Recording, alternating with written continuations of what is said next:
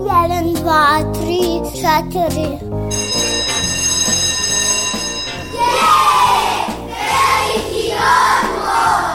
Emisija o obrazovanju i vaspitanju.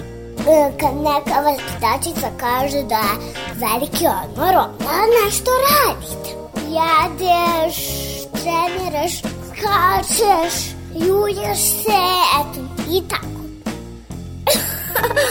Vi slušate veliki odmor. Veliki odmor.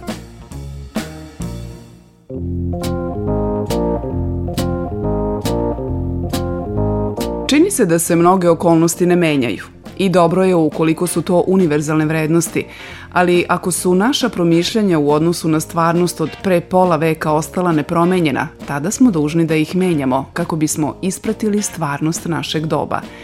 Zato je na promociji časopisa za školska i kulturno-prosvetna pitanja Pedagoška stvarnost istaknuta težnja za reformama. Ja sam Biljana Kuriš i u ovo nedeljnoj emisiji Veliki odmor predstavljamo časopis Pedagoška stvarnost Pedagoškog društva Vojvodine koji traje pune 64 godine. Posetili smo i osnovnu školu Veljko Vlahović u Šangaju na dan otvorenih vrata i saznali po čemu je jedinstvena ova školska ustanova.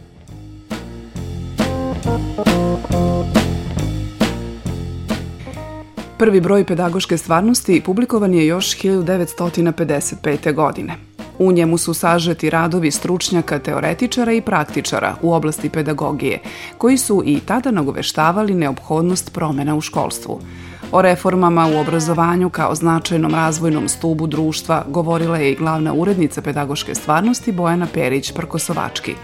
Pitala sam je da li je reforma u obrazovanju neprekidan proces ili je reč o stalnom učenju i prihvatanju stvarnosti u kojoj živimo. Ovo je pitanje u vezi sa samom teorijom vaspitanja, jer cilj vaspitanja je društveno-istorijski uređen. Jedan od osobina, determinant jeste da je on društveno uslovljen u istorijskom datom trenutku. Dakle, može da se poredi cilj vaspitanja u nekadašnjoj državi Sparti, šta je bio cilj vaspitanja, a šta je danas recimo u nekom demokratskom uređenju u nekoj državi. Recimo, kakav je cilj vaspitanja u nekom kapitalističkom uređenju. Tako da zapravo, ako se stalno spominju reforme školstva kroz teorijske rasprave, mi možemo da uvidimo istorijski razvoj i razvoj društva i svaki put kada se nešto promeni u zajednici, u društvenom okruženju, potrebno je da se menja i u vaspitanju i u obrazovanju. Da li mi imamo cilj vaspitanja u ovom trenutku? Naravno da zakonodavac, država uvek propisuje cilj vaspitanja i on se prožima od osnovnog zakona, mi to zovemo krovni zakon vaspitanja i obrazovanja, a onda kroz sve zakonske akte trenutno glasi da je cilj vaspitanja svestrani razvoj ličnosti u cilju nekog formiranja demokratske ličnosti i on se dalje obrazlaže na zadatke i na ishode i zapravo kroz različite oblike sisteme dolazimo do samog terena, zapravo do škole. Šta bismo u ovom trenutku menjali ili gde su nam najslabije tačke kada su ciljevi u pitanju? Koji su nam zadaci za ostvarenje ciljeva u školskom sistemu? Sad trenutno jeste eto jedna od reformi, ali u domenu zapravo promišljanja o novoj obrazovnoj paradigmi, to znači kako aktivirati pojedinca u svom obrazovanju.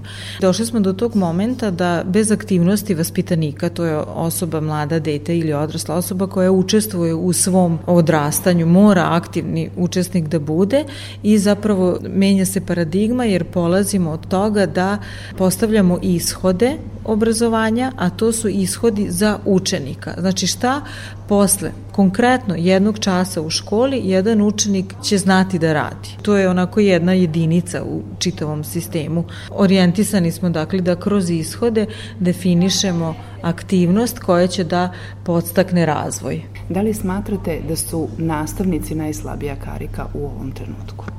Ne smatram. Apsolutno nastavnici nisu najslabija karika i ne bi trebalo da nas nose najveću odgovornost. Svi imamo podjednaku odgovornost pojedinac, porodica, roditelji, okruženje, škola, svaka institucija i na kraju i ulica i zajednica u kojoj živimo. Svoje viđenje pedagoške stvarnosti sa nama je podelila i profesorka Stanislava Marić-Jurišin, docent na Oceku za pedagogiju Filozofskog fakulteta u Novom Sadu. Časopis Pedagoška stvarnost ima zaista nemerljiv značaj za nas kao struku za pedagogiju, budući da je mali broj časopisa u kojima možete i publikovati i pročitati bilo šta vezano za pedagošku struku. S druge strane, on je nekako zaista dostupan i mlađim generacijama, doktorantima, dostupan je e, saradnicima, praktičarima, profesorima. Dostupan je zaista za širi krug pedagoga, generalno i za praktičare po školama, za profesore, za istraživače, svako može da pronađe svoje mesto. Ono što je još značajno jeste da je multinacionalan, odnosno da mi objavljamo radove i na jezicima nacionalnih manjina i na engleskom jeziku, tako da se zaista trudimo da, da svako u njemu pronađe nešto što mu je značajno. I ne možemo se mi baviti samo naukom ako ta nauka ne pronađe neki odraz kod praktičara, koji će to pročitati, ko će to uvažiti. Čuli smo prosto da je to i od prvog broja 55. mi govorimo o reformi škole, reforma je permanentan proces i sve se menja osim potrebe za promenom, tako da prosto i mi se menjamo, ali neko to mora da pročita, mora da primeni. Kakva nam je pedagoška stvarnost, da ne pitam kakve su nam deca? Pedagoška stvarnost nam je onakva kakvi smo mi. i deca su takva kakvi smo mi. Ponekad mi imamo pogrešnu perspektivu pa pokušamo sve da prilagodimo u stvari sebi i našim očekivanjima, a kao što smo rekli sve se menja. Ponekad prosto smo mi ti koji bi trebali da promene paradigmu i da, da shvate kolika je u stvari potreba za promenom i prilagođavanjem. Vi radite na fakultetu, tako? Jeste. Šta je ono što jeste. prvo kažete studentima koji će se sutra negde baviti ovim poslom? To mora biti rad svih nas zajedno prosto ako neko ne funkcioniše u tom krugu neće funkcionisati ništa i niko. Najlakše je prebaciti odgovornost na nekog. Ali ono što prvo kažemo jeste da prvo svi treba da preuzmemo ličnu odgovornost iz uloge koju igramo u tom konkretnom momentu. Da li smo roditelji ili smo profesori ili smo nastavnici ili smo pedagozi u školi prosto negde ili smo studenti čak. Ali generalno suština je da moramo da preuzmemo odgovornost za ulogu i posao koji obavljamo kako mi, tako i ljudi koji vode prosto prosvetnu politiku, koji su negde odgovorni za donošenje zakona i legislative, ali ako svi preuzmemo svoj komad odgovornosti, tek onda možemo da funkcionišemo. Ako su stručnjaci ocenili da je obrazovanje u službi razvoja društva, onda se pitamo koliko smo naučili iz istorije. Da li su nam reči pedagoga, nastavnika, onda dovoljne da znamo kuda danas? Na Filozofskom fakultetu na oceku za pedagogiju programi nastave za buduće nastavnike i pedagoge su se promenili, ističe profesorka Marić Jurišin. Ali da li je to dovoljno? Promenilo se u programu i to ste lepo primetili da nastavnici nisu dovoljno obučeni, ali nisu oni krivi za to. Kriv je način uvođenja promene. Odnosno, mi konstantno nešto menjamo i mahom ne dovodimo te reforme do kraja, što donekle jeste normalno jer se menja sve, pa verovatno i ta potreba da nešto drugo bude promenjeno, ali ne bavimo se dovoljno pripremom za promenu. I tu je najveći problem, što im često bude nešto nametnuto ili se vrlo brzo želi postići ta promena, tako da prosto oni nemaju vremena da se dodatno edukuju po nekom pitanju. Moraju da se edukuju. Fakultet nije garant uspeha, prosto to doživotno učenje i obrazovanje jeste nešto što, što moraju da budu svesni svi koji se bave naukom pre svega ili radom sa mladima, prosveta pogotovo, ali oni često jesu spremni na to, međutim nemaju ponekad i dovoljno prilike. Slušate Veliki odmor.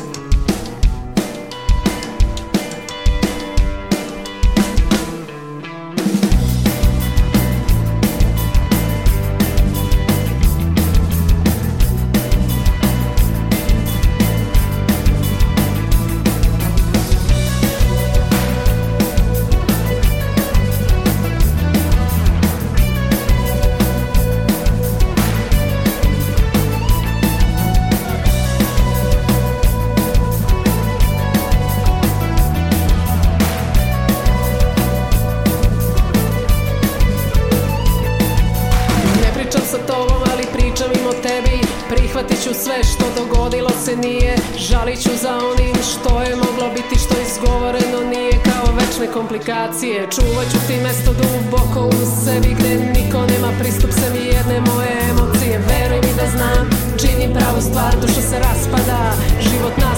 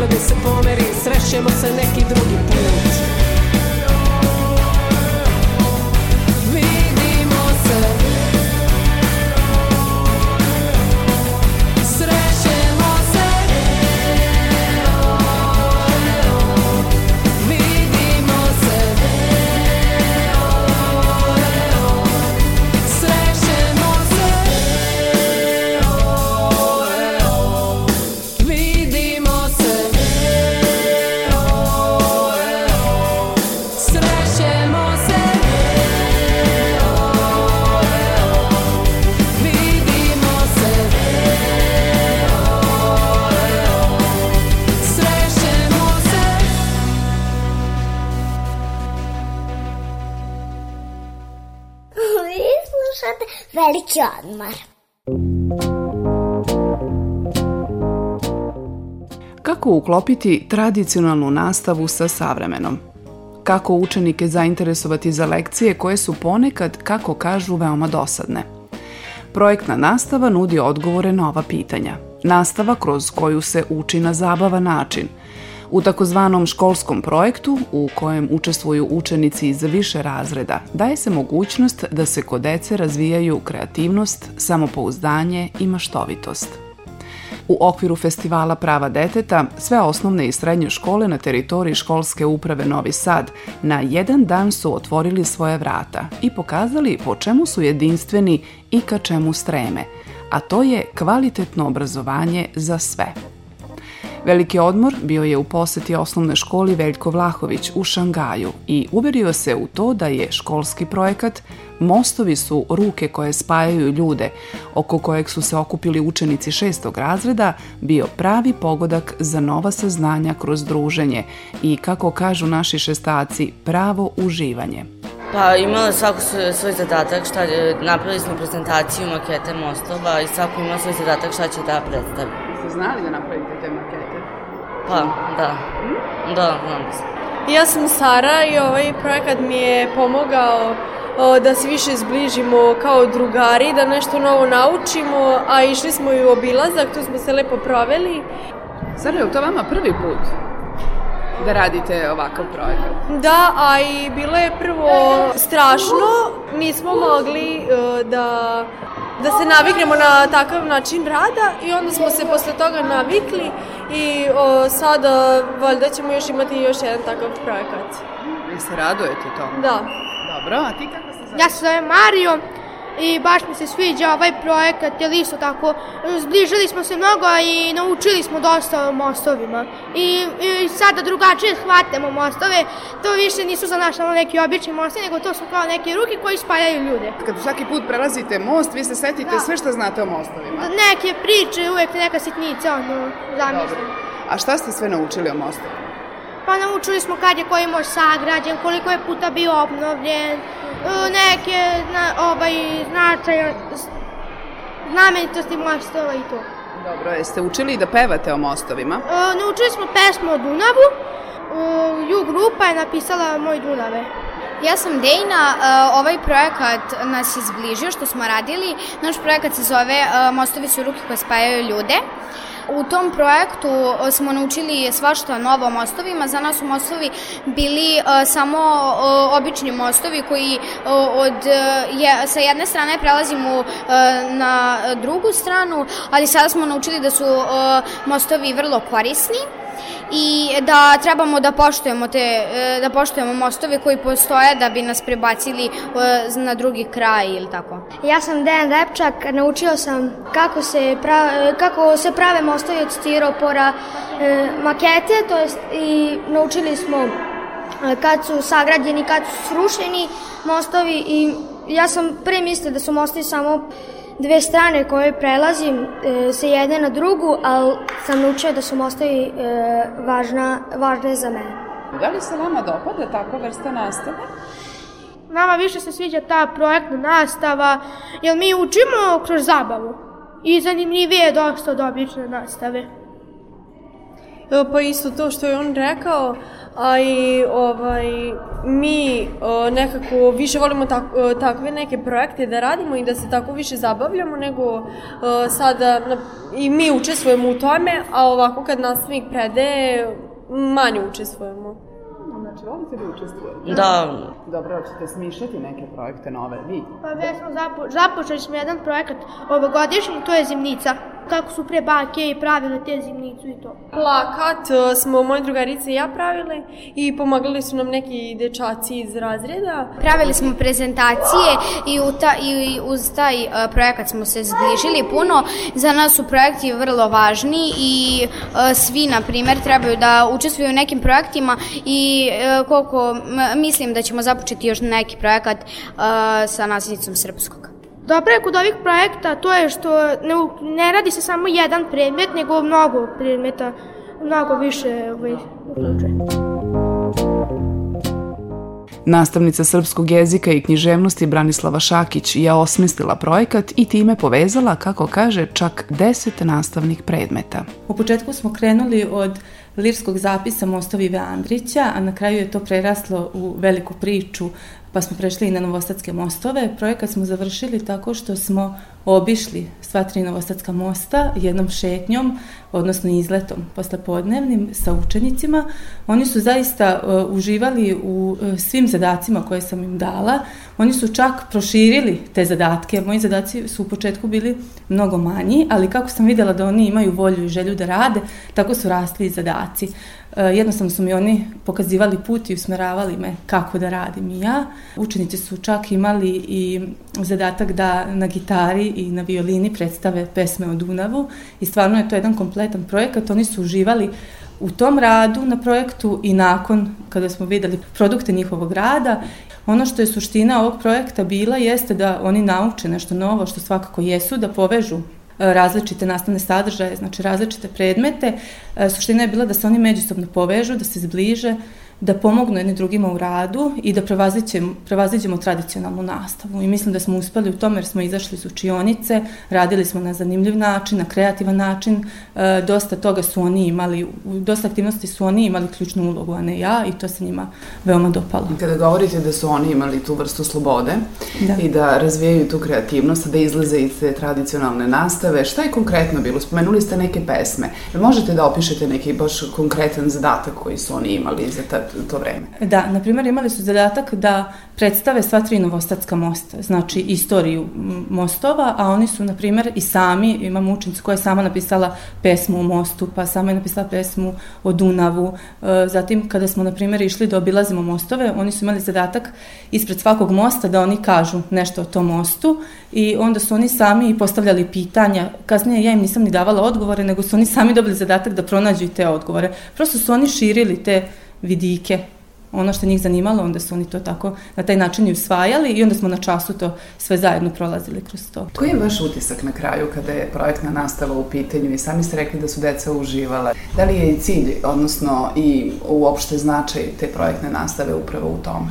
E, moj utisak jeste da e, smo ispunili cilj u smislu da su učenici stvarno stekli neka funkcionalna znanja i trajna znanja, jer ja i danas kada razgovaram sa njima o tome, oni e, sve dobro se sećaju svega, pamte sve što, što je rečeno, pamte sve što smo uradili, znači mnogo bolje usvajanje znanja, kao drugo, oni su mnogo aktivniji, oni su u centru pažnje, znači nije e, akcenat na nastavniku, već na njima, e, zatim vidim i stvarno da su se združili i oni tačno pamte ko je sa kim bio u grupi, to im je toliko važno, ja prva, na primjer, kada pomešam, oni mene podsjete, to je bilo tako, znači zaista cilj projektne nastave jeste da učenici prevaziđu tu tradicionalnu nastavu i to se stvarno postiže tako.